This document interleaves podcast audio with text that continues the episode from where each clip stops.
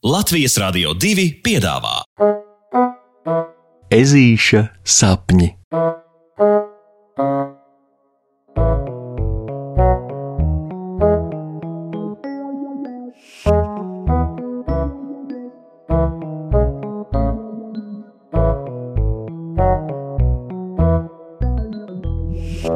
Ezītis uztaisa šitādu mašīnu. Meleņu ieplakā uzausis šī gada smaržīgākais rīts. Viss kūsā, un arī puksītis jūt, ka šodien varētu paveikt ko patiešām lielu.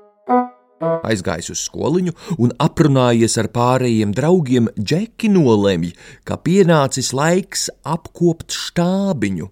Kā nekā ir palicis stipri siltāks, un jāsagatavojas garajiem vasaras vakariem, kad gaišs būs taču līdz pašai pusnaktī. Rokijs vēl steidz iestarpināt, kā vispār jau tas teleskops viņa ozola mājiņā ir citplanētiešu izspiegošanai, lai uzzinātu viņu plānus un tā. Apaga, tu esi tiešām redzējis īstu citplanētieti. Boliņa acīs pavīd tāda kā piedzīvojumu meklētāja dzirkstelīte. Nu, taču nē, es tikai saku, ka kad ieraudzīšu, tad viņu izspiegošanai man viss ir gatavs. Atbild Lācēns, un vispārējā spriešana var turpināties. Skolas diena izvēršas pat ļoti darbīga, un ne tikai skolotājas meža cūkas Loretas dabas zinību stundas eksperimentu dēļ, jo tagad bērniem ir jāeksperimentē ar sēklu, diedzēšanu, stādīšanu un audzināšanu un tā tālāk. Jā, māciet parūpēties par mūsu mazākajiem brāļiem un māsām augiem. Ziniet, tās tomēr ir ļoti cēlas un vērtīgas prasmes. Skolotāja Loreta vēlreiz atkārto savu pārliecību, bet ne par to ir stāsts. Izdiedzējušies, sastādījušies, uzrakstījuši vienu diktātu un izvingrinājuši galvas saskaitīšanā un atņemšanā, draugi droši var teikt, ka pirmā dienas daļa lepni ir pavadīta, un tagad var ķerties pie um, privātu plāniem, kā saka Rokijs. Paņēmuši somas un noķiepuši no skolas ēdnīcas sev vēl papildu maizītes, draugi dodas uz lielā ozola štābu. Boliņš, Pauls un Žoržs vēl tur nemaz nav bijuši. Mm, tāpēc gaida ar lielu nepacietību. Tā bija laimīgākā diena man dzīvē. Brīžiem sajūsmā atkārto boliņš, ar to domājot vakardienu kad Rokijs nolēma slepeno štābu atklāt pilnīgi visai kompānijai, nu, ne tikai puksītim. O, o, o jā, o, o jā, mana arī, mana arī. Sajūsmināti siekalas rijot pievienojas arī Pauls. līdz šim brīdim, līdz šim brīdim, piemetina Rokijs. Kad jūs būsiet beidzot to ieraudzījuši un tajā iekāpsiet, tad gan jūs būsiet totālā epikā. Aha, es piekrītu. Domu nobeidz buksītis, un tieši tajā brīdī arī taciņa met pēdējo līkumu gar trim līkajām apsēm, un mūsu draugi nonāk pļavas malā, kuras vidū gozējas štābi kā ozols. Pag, ko?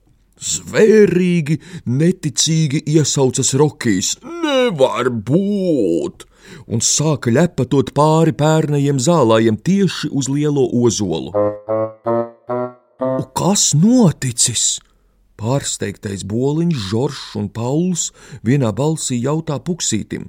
O, precīzi nezinu, bet izskatās, ka pagājušā mēneša lielā vētra štābu ir pamatīgi apskādējusi un visi draugi metas pakaļ Rokijam. Gala skatā, nonākuši pie štābiņa, tā arī ir. Pērnie dēļi, uz kā turējās koka mājiņa, jau bija mazliet iepūši, un laikam vētra tomēr par tiem izrādījās stiprāka. Mans cietoksnis, mans vecpuiša Menkeivs! Iegaudojas lācis un pat notecina pāris milzīgas asaras. Arī pārējie draugi izskatās satriekti visi, visi izņemot Žoržu. Pirmkārt, tu nesi nekāds vecpuisis, jo tev ir tikai septiņi gadi, Roki. Otrakārt, tā nav nekāda kibele. Mēs uztaisīsim štabiku no jauna un pat vēl daudz labāku. Sienā zēna apņēmība pielīp visiem, un galu galā draugi ķeras pie darba. Dēļi tiek stiepti, zāģēti, nagloti un skrūvēti, mājiņa ozolā tiek nostiprināta vēl labāk un vēl plašāka. Šoreiz top pat divi stāvi. Mm -hmm. Darba dunā gan izceļas maz strīds par to, vai štābikam vajag balkonu, jo pēc Žorža domām balkons māju padara elegantu. Uz ko Rokijs argumentē, ka pirmkārt tā nesot māja, bet slepenštāps, un, ja Žoržs grib pasēdēt ārpusē, tad varot eleganti pasēdēt arī uz kāda no ozola zariem. Tie arī esot tikpat kā balkoni, turklāt cik tik uziet. Jāsaka, ka laiks darbā paiet ātri, un kad jau metas tumšs, šodien vēl nepaspēto, draugi nolēma tomēr atlikt uz nākamo dienu. Pēc kārtīgas strādāšanas ir arī pamatīgs nogurums, pat tāds, ka varētu iet gulēt turpat nepabeigtajā mājelē kokā. Bet ziniet, kā tas citreiz ir? Izcilas idejas nenāk vienas. Lūk, tieši tā zvēruļiem ir arī šodien. Draugi, man ir ideja. Kā būtu, ja mums būtu ne tikai savs slepenštāps, bet arī savs pirmais braucamais? Saka Puksītis, un veikli izklāstījis savu plānu, arī pirmais ķeras klāt. Ideja pavisam vienkārša tiek saskrūvētas kopā divas tukšas ķerras, iztaisīti caurumi kājām, lai ar tām var tikt līdz zemē un iestumties, un ierīkota stūre un krēsli. Lai gan motors jaunajai mašīnai ir pašu sagurušās kājas, tomēr priekš pirmā braucamā ar to ir vairāk kā gana.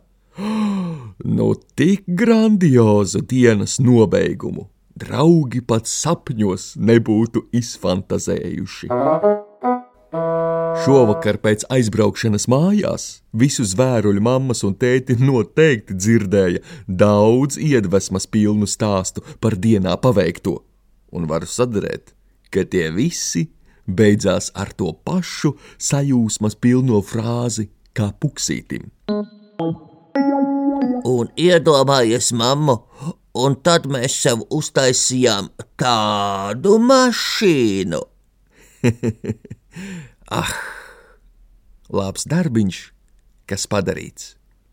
Bet tagad laiks čučēt. Pasakas beigas ar labu nakti, draugi!